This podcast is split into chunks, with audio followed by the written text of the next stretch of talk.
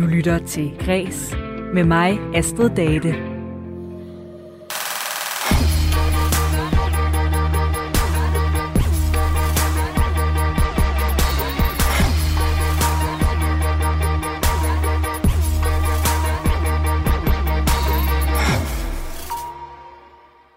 Jeg har for nylig læst øh, George Orwells klassiker 1984 for første gang. Øh, eller jeg har faktisk hørt den på lydbog, og jeg isoleret set var det måske en dårlig idé, fordi nu når jeg går rundt her i Aarhus, så bliver jeg sådan på forskellige steder mindet om nogle af historiens sådan ret frygtelige øh, torturscener, jeg har gået og hørt. Og øh, det er jo en ældre bog fra 1949, der handler om en ret sådan skræmmende fremtid, hvor samfundet er styret med hård hånd af kontrol og ikke mindst overvågning – du kender måske begrebet Big Brother is watching you.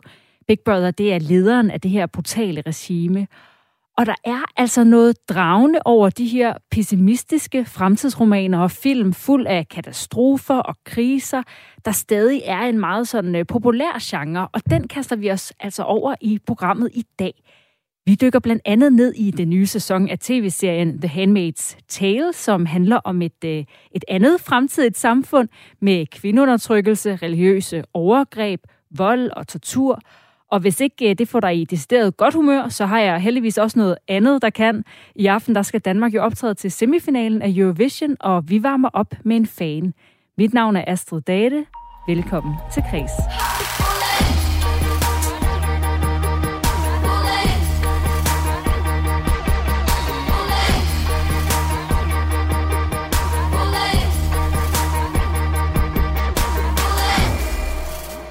Og selv hvis øh, du ikke har set den, så har du måske hørt om tv-serien The Handmaid's Tale, der øh, portrætterer et meget anderledes øh, og dog sådan genkendeligt USA. Vi begynder dagens udsendelse i øh, det fiktive land Gilead, hvor størstedelen af handlingen foregår.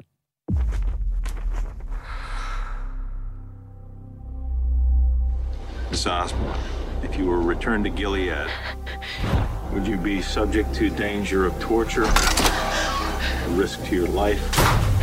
Or a risk of cruel and unusual treatment or punishment.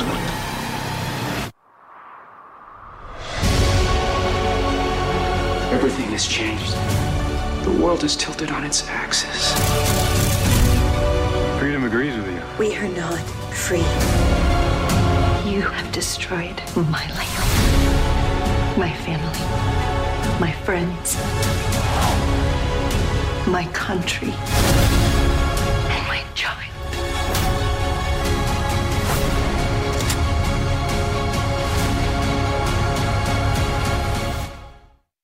Gilead er en øh, fremtidsnation i hvad der tidligere var USA.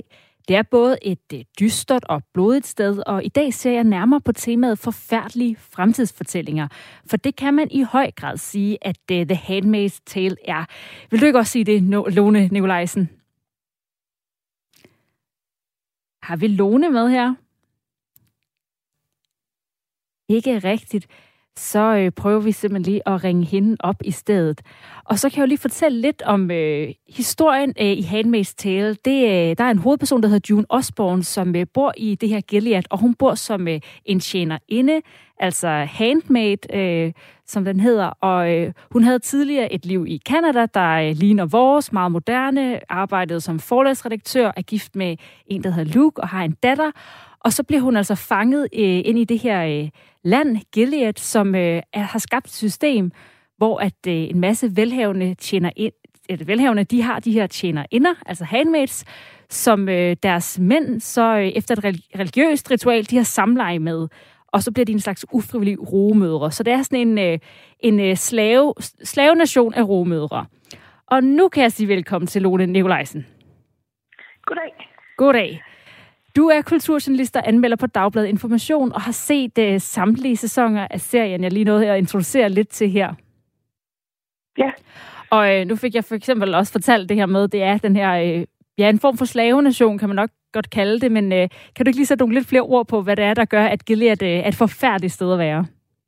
Jo, altså Gilead er det her øh, diktatur, som øh, er baseret på en øh, pervers udgave af kristen fundamentalisme, øh, som er en reaktion på sådan en fertilitetskrise, der har ramt hele den vestlige verden, så, øh, så vidt det fremgår af Margaret Atwoods roman. Altså folk har simpelthen utrolig svært ved at få børn.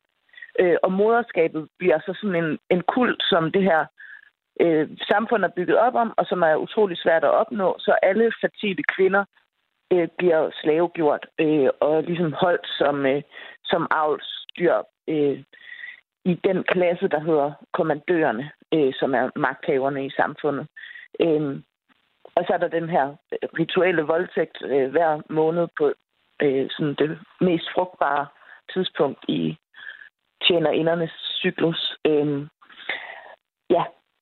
Ja, og June, øh, ja, ja, lige præsenteret, hun, øh, hun er altså en af de her tjenerinder, som, øh, som er hovedpersonen i serien, og som gør oprør mod det her system. Øh, nu har der jo været både første, anden og tredje sæson, øh, og i slutningen af sidste sæson, der lykkedes det hende at øh, smule 86 øh, af de her undertrykte Gilead-borgere ud og til Kanada, hvor der er frihed og demokrati stadigvæk.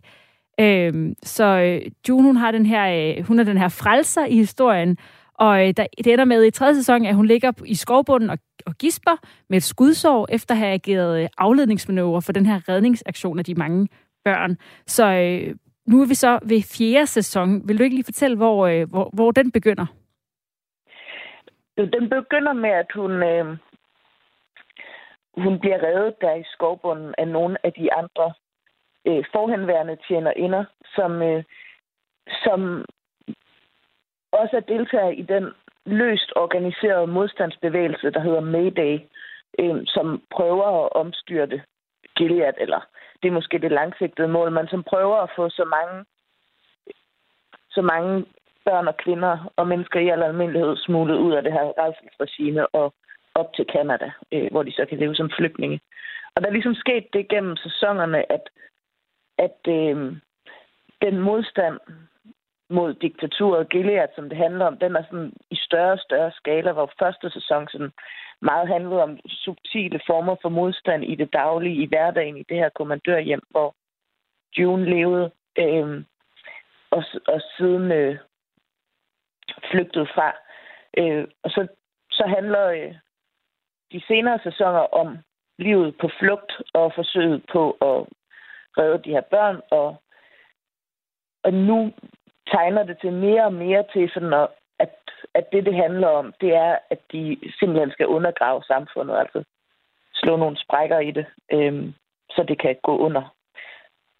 Og øh, det, der er lidt specielt ved den her serie, det er jo, at øh, den bygger på forfatteren Margaret Atwoods roman Tjenerindens fortælling, øh, som hedder på dansk, der udkom i 1985, hvor første sæson var meget tro mod bogen og havde den her åbne slutning, øh, så, øh, så er efterfølgende sæsoner, også den nye, jo nogen, der er blevet skrevet til serien. Og i første omgang, hvad der gør, at, øh, at serien af den her bog stadig er vedkommende i dag? Øhm, jeg tror, at den rammer, den her serie rammer sin, øh, sin tid særlig godt, fordi at der i løbet af, altså, de, måske de sidste fem år, eller den øh, er sådan genstartet en debat om, hvor meget ret til abort for eksempel kvinder har. Altså sådan reproduktive rettigheder, som for eksempel retten til abort, øh, begynder at virke som, altså i lande som USA og Polen er sådan øh, under angreb, kan man sige. Og der, øh, der er historien om de her tjenerinder og de her samfund, der, der bygger på en perverteret moderkult, bare en ret god reference at have ved hånden. Altså man har kunnet se i USA, øh, hvordan at de her tjener inderuniformer, som øh, består af sådan en blodrød øh, dragt og en hvid kyse, at de fungerer som sådan en ikon på øh, undertrykkelse af reproduktive rettigheder. Og så derudover, så er det også bare en helt vildt god roman, som er baseret på på øh, sådan et miskmask af undertrykkelsesformer og typer af vold, som alle sammen har, øh, har en eller anden form for historisk forlæg, øh, selvom der ikke har eksisteret et samfund, der præcis minder om Gilead, så har Margaret Atwood ligesom researchet sig frem til, hvordan man i løbet af menneskehedens historie har, har undertrykt hinanden og så sammensat, altså så lavet sig inspirere det til sin roman og så den også sådan, har den en psykologisk troværdighed, som gør den sindssygt uhyggelig.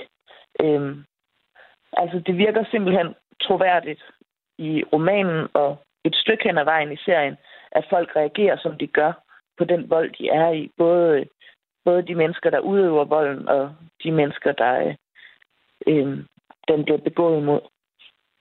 Og det er jo en enorm populær øh, bog også, øh, som øh, første sæson altså bygger på. Og så er der omvendt mange, der er øh, slet og ret øh, utilfredse med den udvikling, som serien er gået i, fordi den jo så er gået videre fra, hvor at øh, den første bog sluttede.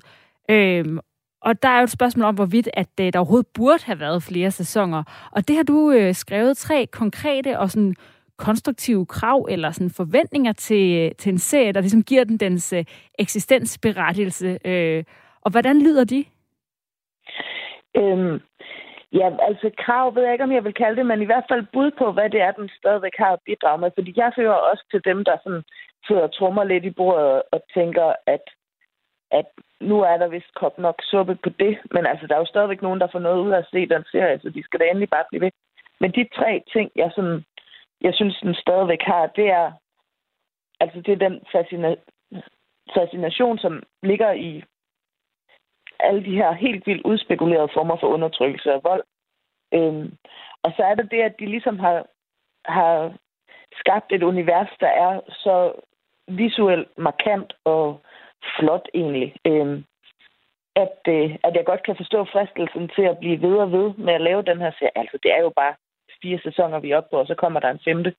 Øhm, men, men som jeg ser serien, så er det lidt et eksempel på en serie, hvor den gode historie er fortalt. De er færdige med den, men det univers, de har kreeret, det er simpelthen så velfungerende, at de kan ikke forlade det.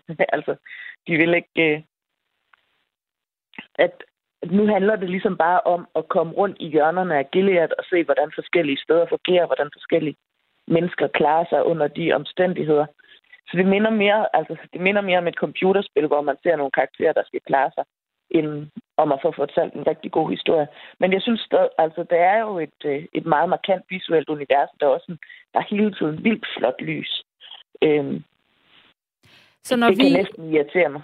Ja, så irritere mig, når, at det, når de mødes øh, i fængslets mødelokaler i Kanada, at det så også bare ligner en modereportage, der har været sindssygt dyr.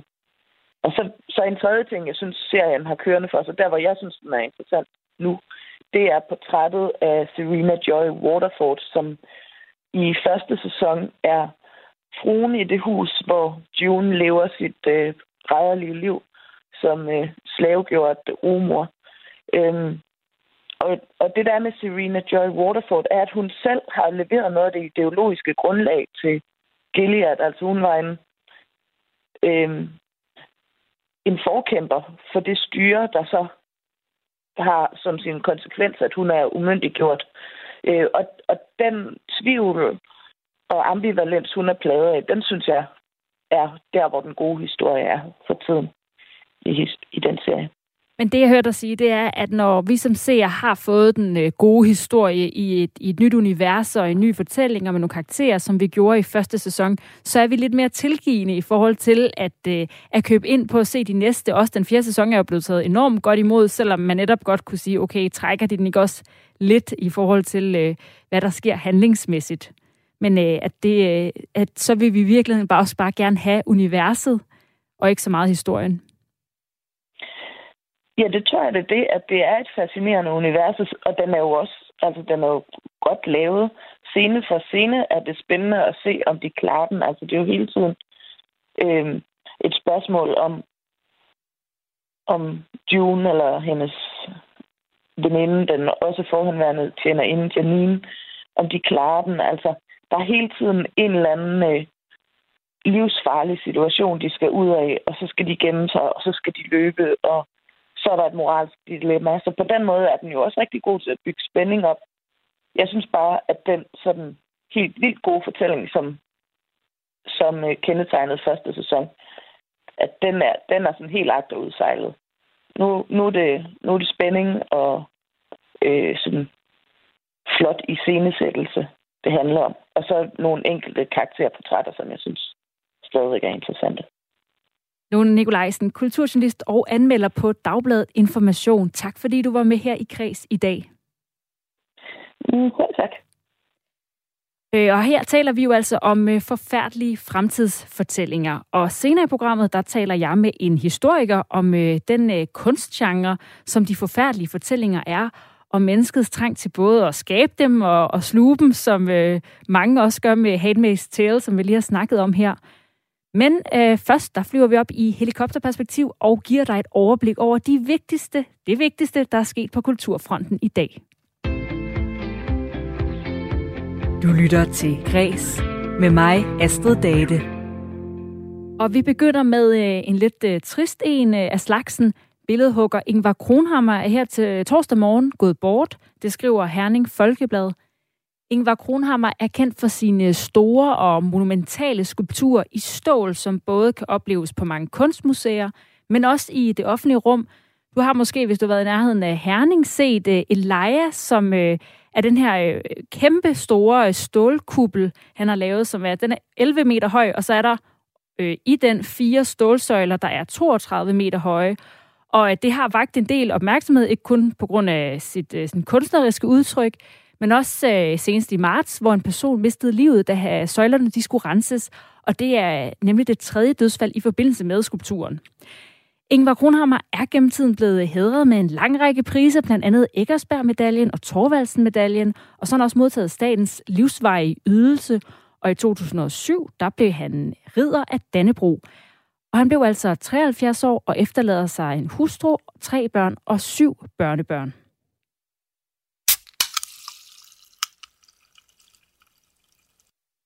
Det var en kort lyd, men, øh, men alligevel kunne man fornemme øh, den her tilfredsstillelse, der er over lyden af en dåseøl, der bliver åbnet. Især hvis det er den første på dagen, og den er kold, og at den kan nydes i solen. Og øh, solen kommer vi forhåbentlig til at se mere af de kommende uger. Og nu tyder meget også på, at øh, det er muligt at fylde lageret af billige, kolde dåseøl op derhjemme. Allerede fra lørdag forventer man nemlig, at grænsehandlen åbner igen. Det skriver TV Syd. Og faktisk så har alle øh, 16 grænsebutikker været åbne siden den 12. maj, men hvis man kører derned lige nu, så skal man i 10 dages karantæne, når man kommer hjem. Og det er altså den karantæneperiode, der forventes at blive ophævet, fordi at de seneste smittetal fra Slesvig-Holsten, de er nede på øh, 31,4 per 100.000 indbyggere den seneste uge. Og det betyder, at øh, det danske udenrigsministerium formentlig i morgen fredag vælger at ændre på rejsevejledningen, så regionen bliver et område, man kan tage til, uden at skulle i karantæne bagefter. Og så øh, flyder det mildest talt med mundbind over det hele. Altså sådan som i morges, da jeg gik på arbejde, der, der kunne jeg da godt se øh, mundbind, som ligger øh, rundt om skraldespandene oppe ved Føtex. Og øh, i forvejen, der er det jo ikke det mest miljøvenlige, vi har i gang i med mundbind af kunststof. Og det er der en øh, hollandsk designer, der øh, nu har øh, gjort noget ved, og har designet et mundbind, som er nedbrydeligt af naturen, og som endda forvandler sig til blomster. Det skriver designtidsskriftet Hyperallergic på sin hjemmeside. Mundbindet det er designet af Marianne Groth Pons, og det er lavet af nedbrydeligt rispapir. Og i papiret er der så indlagt blomsterfrø. Det vil sige, når mundbindet lander i naturen, vil det altså i løbet af noget tid gå i opløsning, og så vil der øh, komme kornblomster og andre engblomster, de vil vokse op. Øh, ja, om det så er til at betale sig fra, det står der ikke noget om, men øh, det lyder jo både øh, sejt og smukt, hvis vi får sådan nogle øh, skraldespand fuld af blomsterbede. The test is ready. Rachel wrote Ross a letter and demanded he read it before they got back together. How many pages was that letter? 18 pages! 18 pages. Front and back! Front and back is correct. Wait, wait, do it one more time! Oh my God. Here we go. Where's the tissue box? Om en uge får Friends The Reunion efter flere coronaudsættelser om sider premiere på HBO Max, og nu er traileren i første omgang landet. Videoen viser Jennifer Aniston, Courtney Cox, Lisa Kudrow, David Schwimmer, Matt LeBlanc og Matthew Perry, altså hele sættet, der genforenes i de gamle filmkulisser. Og det er i sådan et slags øh, talkshow-format. De griner, og de græder, og de quizzer om Friends Facts. De læser gammelt manuskript op og udveksler minder om øh, deres fælles oplevelse med at lave den her rasende populære serie.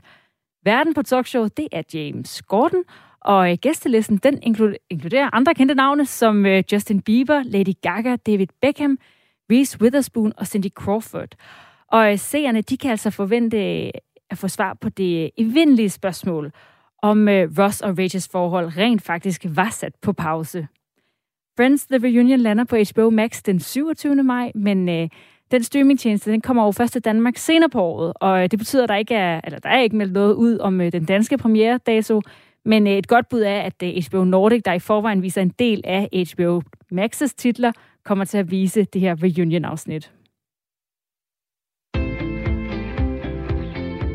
Du lytter til Græs med mig, Astrid Date.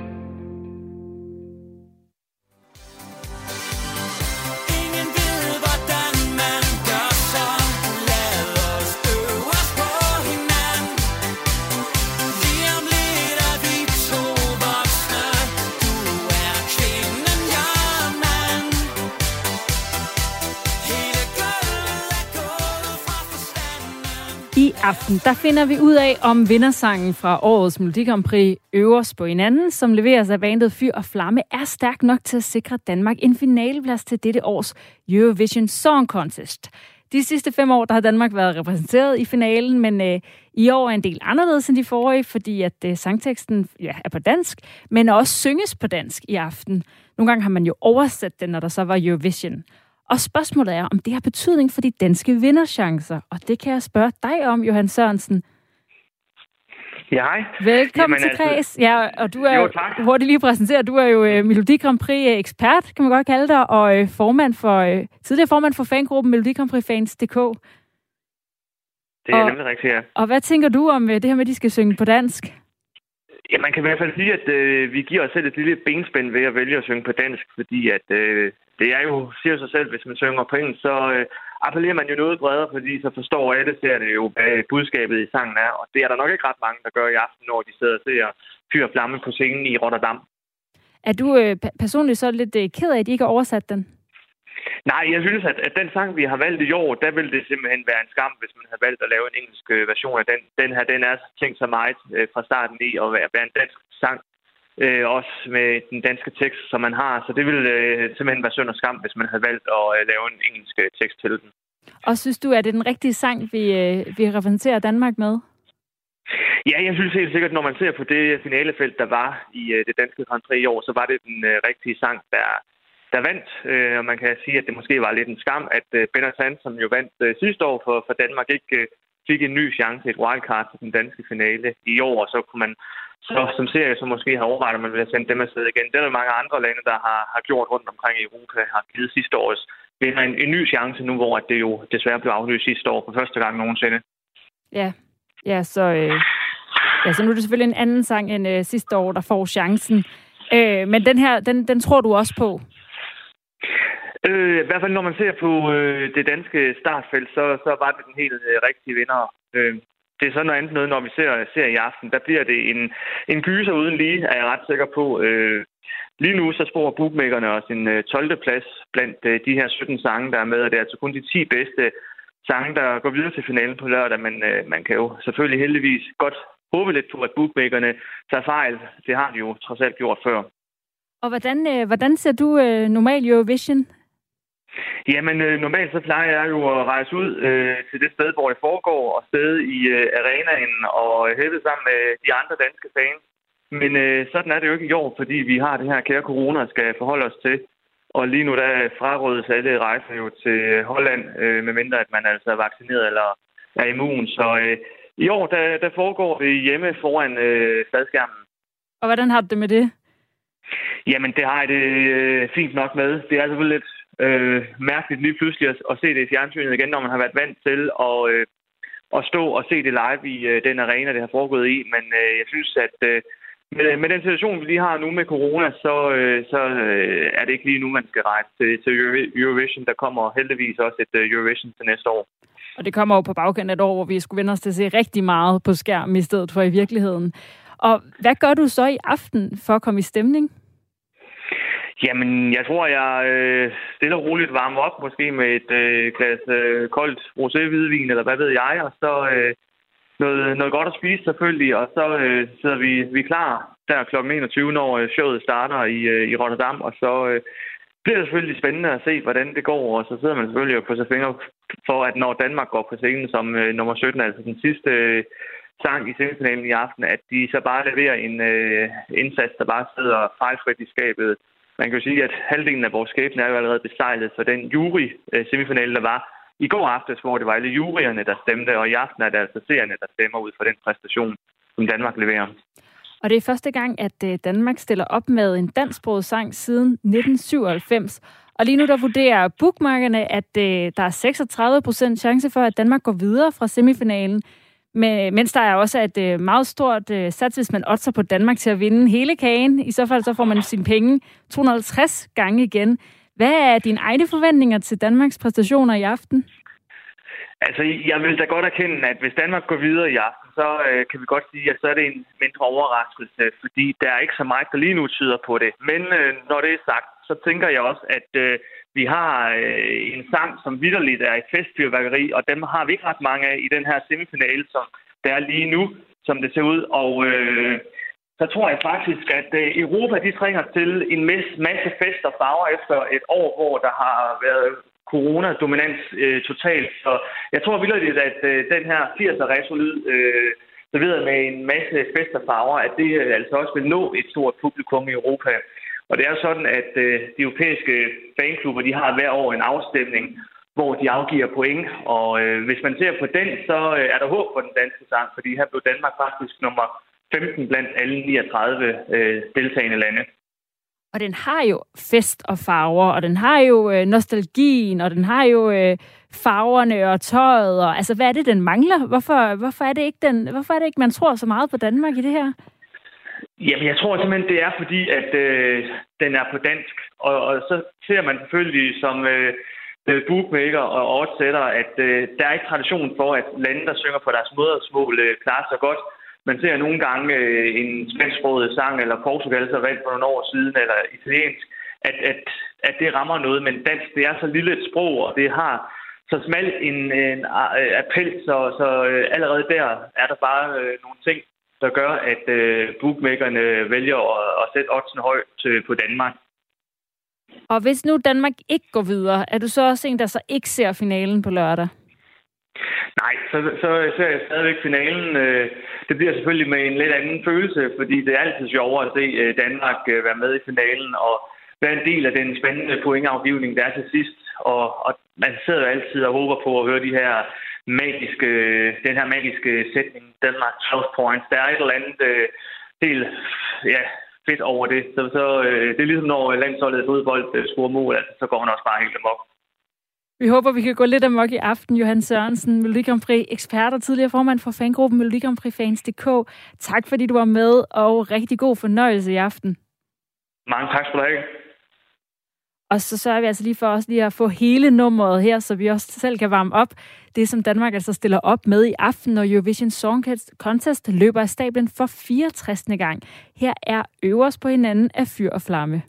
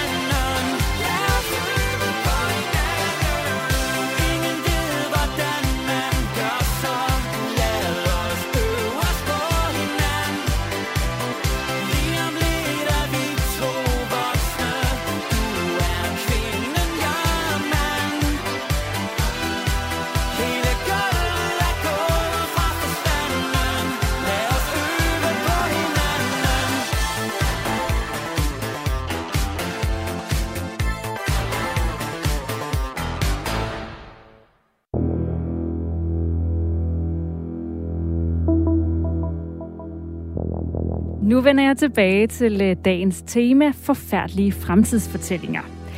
Et tema, som jeg i dag ser nærmere på, fordi den fjerde sæson af tv-serien The Handmaid's Tale er i fuld gang.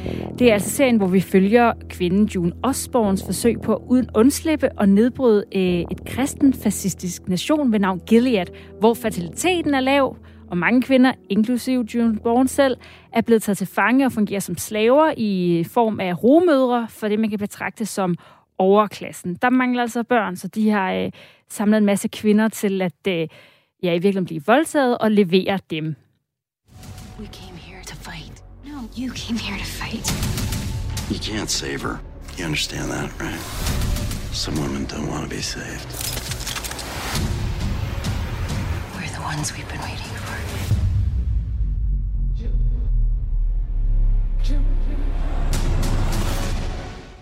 The Handmaid's Tale er blot øh, et eksempel på øh, det, man kan kalde en forfærdelig fremtidsfortælling, men øh, faktisk går de egentlig under genrebetegnelsen, der hedder dystopi, som er et modspil til de lykkelige fremtidsfortællinger, der begyndte at blive skabt mange af fra midten af 1800-tallet.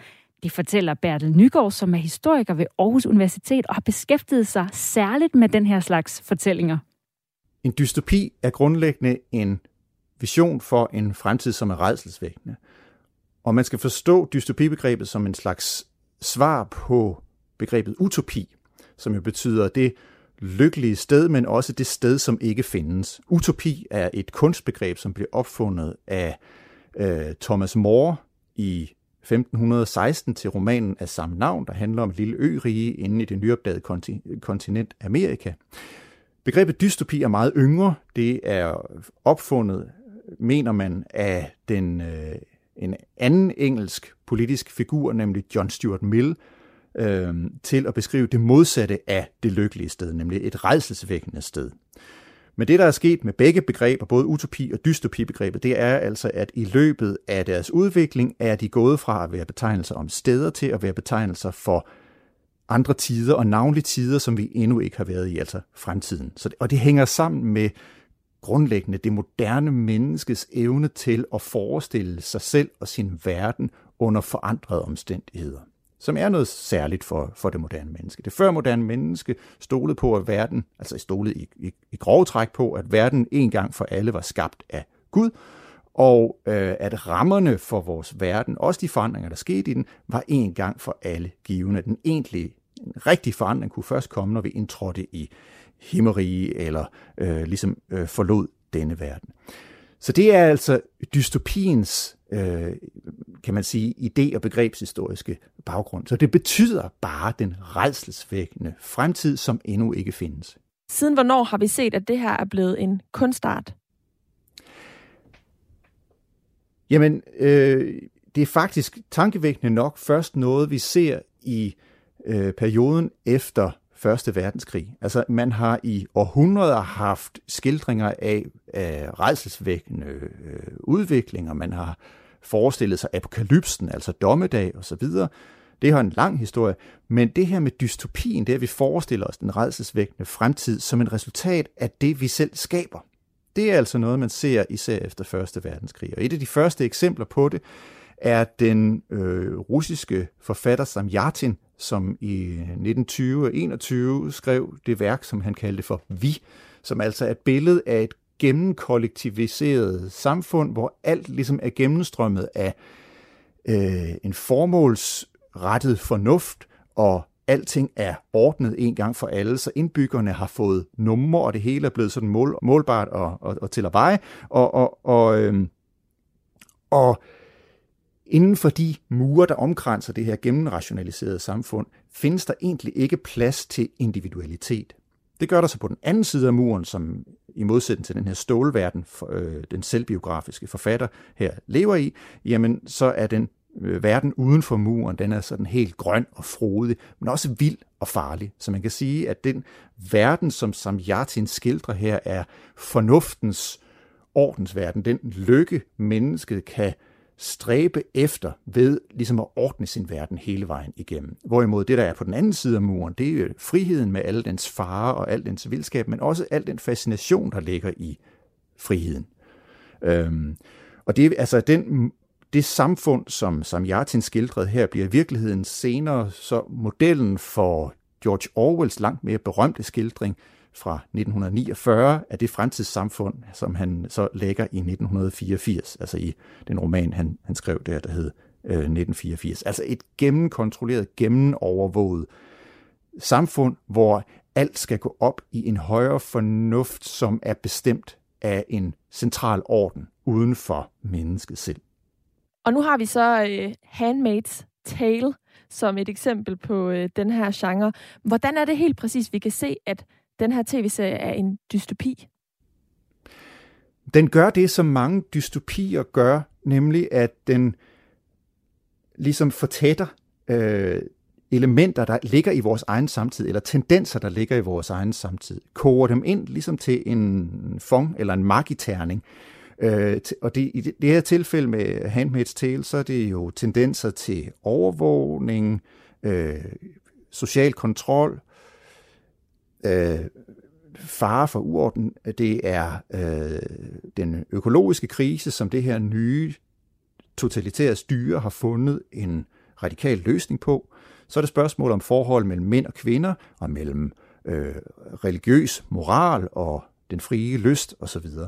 Og så får man altså skildring af det her øh, redselssamfund, som på mange måder jo også er vedkommende for vores egen samtid, fordi vi kan genkende nogle grundlæggende træk i den. Det, som Margaret Atwood, øh, forfatteren til den oprindelige bog, øh, Handmaid's Tale, øh, har, har lagt i den, og det, som, som, som er kernen i serien, det er jo tendenser i vores, som man godt kan se i vores egen tid, som ligesom er øh, forenklet her, og som bliver til øh, det rene, øh, finder deres rene udtryk. Kan vi se noget nyt ved genren i form af Handmaid's Tale? Altså, er der en, er der en form for videreudvikling af den i gang, eller, eller er den på mange måder sammenlignelig med eksempelvis George Orwells roman 1984, som du nævner her før?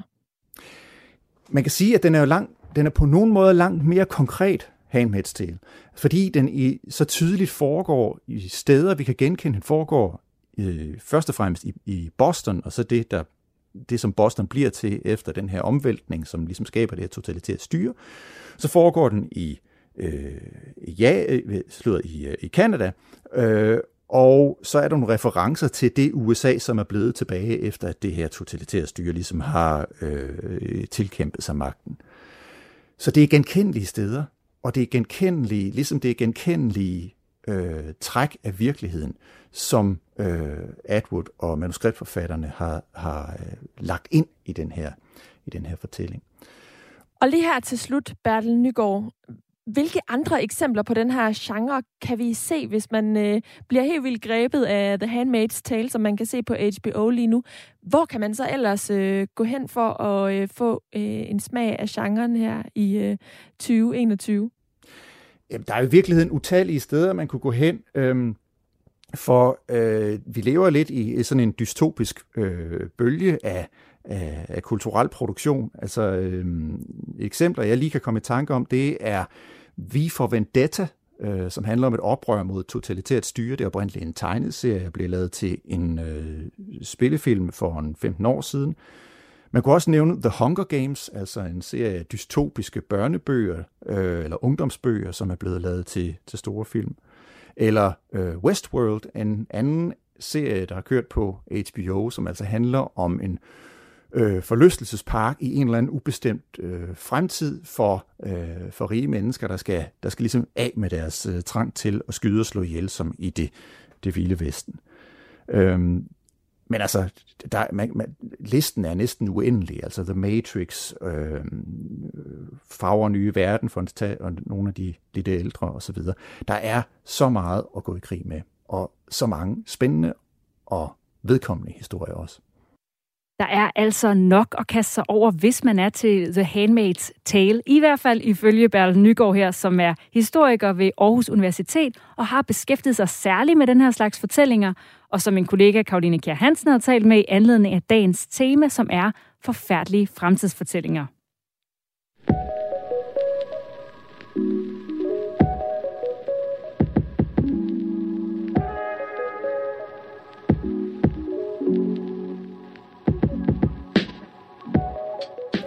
Og når man taler om solen, så øh, har jeg faktisk Karoline Kjær Hansen med mig i øh, studiet nu.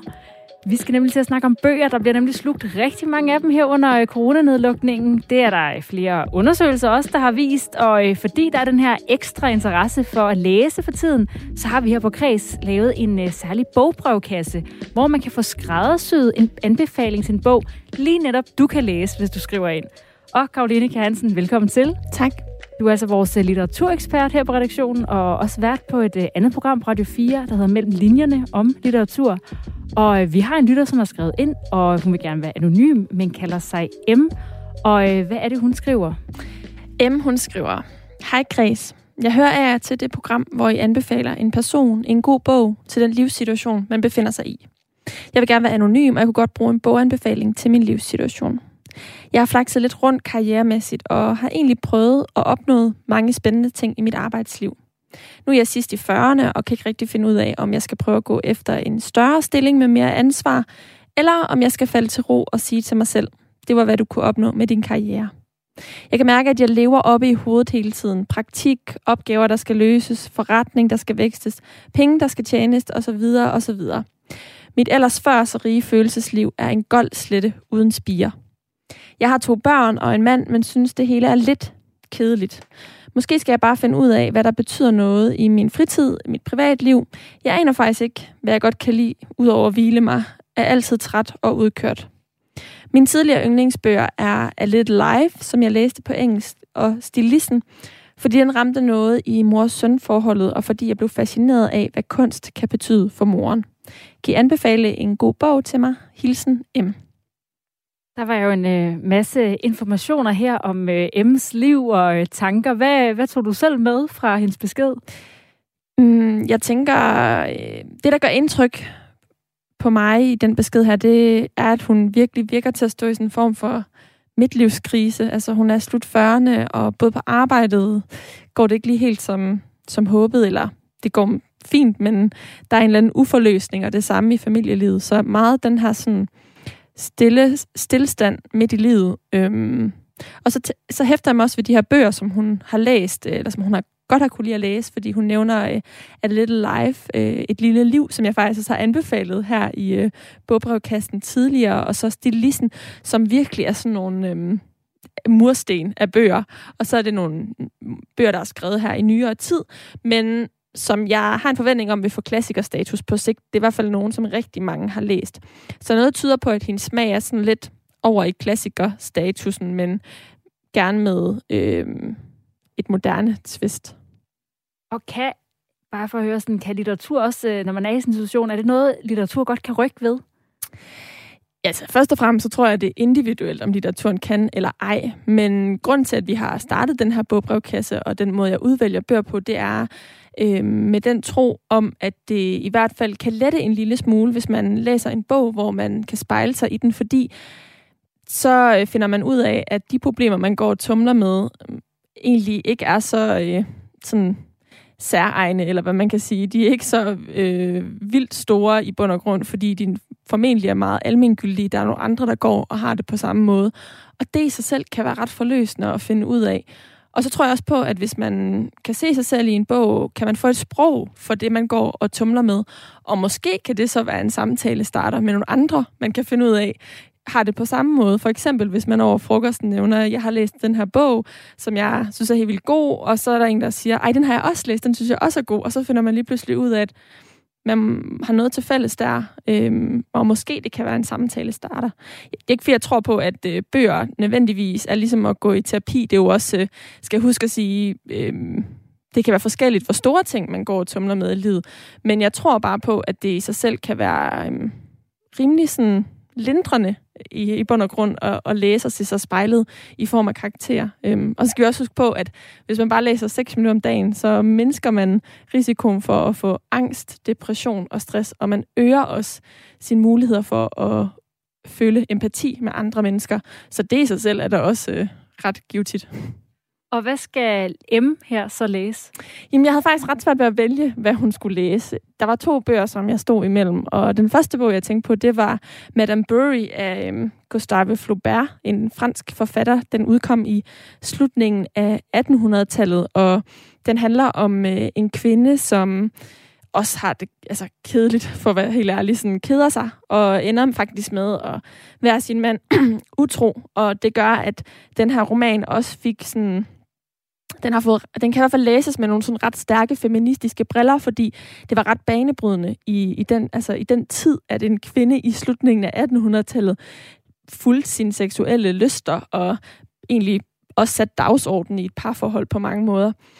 Øhm, og det er jo en klassik, altså Madame Bury er en klassiker, så derfor tænker jeg, at den kunne måske øh, tale til vores lytter her. Men det kan også godt være, at hun, den vil det, men jeg tror i højere grad, at uh, romanen Næste af den norske forfatter Nina Lykke vil være god for hende at læse.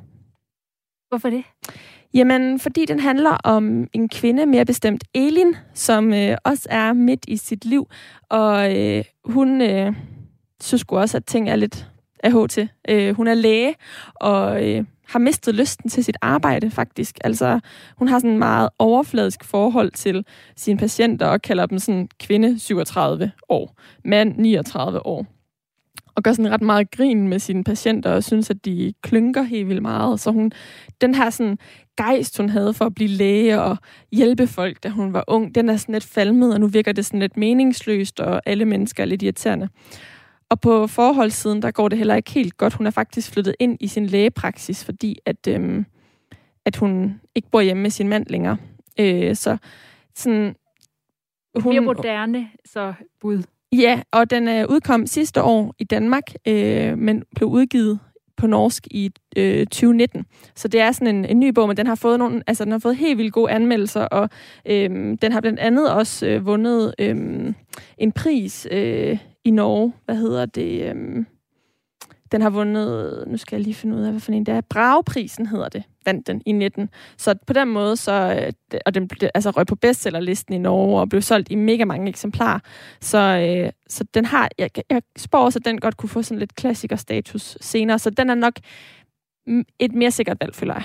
Og hvorfor er det, at øh, det netop er den så, at øh, vores lytter her, M, skal læse? Jamen, fordi jeg håber, at hun kan spejle sig i den og finder ud af, at øhm, livet ikke nødvendigvis er så tungt at danse med, som hun går og, og synes, det er. I hvert fald finder ud af, at der er andre kvinder på hendes alder, der går og har det på samme måde. Men det, der gør den sådan gør, at den, jeg ikke tror, den bare får hende ned i sådan en større sump, end hun måske allerede føler, hun sejler rundt i, det er, at den bare er skrevet sådan helt vildt øh, humoristisk. Altså, hun har sådan et ret særligt sprog, Nina Lykke, som har skrevet den. Og det gør, at, øh, ja, at hun, øh, hun ligesom får lidt sat på spidsen, at de her ting, som hun går og tumler med, og som virker virkelig voldsomme i hverdagen, egentlig altså jo også er lidt tragikomiske nogle gange. Den måde, som Nina Lykke hun øh, udtrykker det på romanen, det er fordi, at øh, som jeg sagde, så bor Elin i lægekonsultationen i det her øjeblik, hvor vi læser bogen, fordi at hun er flyttet hjemmefra, og øh, der er et skelet, som hedder Tore, som hun taler med, og det her, altså, bare den gimmick er sådan ret komisk. Øhm, og jeg har faktisk fundet en øh, passage. Det er, øh, grund til, at Elin ikke er sammen med sin mand længere, det er, fordi hun kom til at være utro. Øhm, eller kom til. det er jo så det, som de diskuterer nu her. Fordi så har hun så den her samtale, jeg læser højt med Tore, som vel at mærke er et skelet. Tore kolon. Så det var alkoholen, der fældede dig. For hvis du ikke havde været så tørstig, så havde du udholdt småsnakken på kaffebrænderiet længe nok til, at du kunne bryde op med god samvittighed og komme hele skinnet hjem. For det var jo først på den indiske restaurant, at det hele begyndte. Det kan vi ikke vide. Måske havde Bjørn betroet sig allerede på kaffebrænderiet, hvis han havde vidst, at det var hans eneste chance, og Bjørn er den person, hun øh, har en, en affære med. Tore, ja, men så havde du været ædru. Ja, og hvis dronningen havde haft en pik, så havde hun, var hun blevet konge. Tore, var det ikke dig, der prøvede at finde ud af, hvad der gik galt? Jeg prøver bare at hjælpe dig med det. Nej, du er bare ude på at lukke mig i en af dine fælder, så du kan grine af mig, når jeg ligger der og spraller. Øhm, og det er sådan det sprog, den tone, som den er skrevet i. Så selv sådan en, altså, en gerning, som det at være utro, som jo kan være hård at bære rundt på og svær at forstå, bliver ligesom bliver også bliver der også kastet et humoristisk ly, lys over. Altså, det, hun tager også nogle af de her meget livstunge situationer og sætter dem lidt på spidsen, så noget af det komiske også øh, kommer, altså skinner igennem sprækkerne. Øhm, og det gør, at ja, man måske også kan more sig lidt i al elendigheden.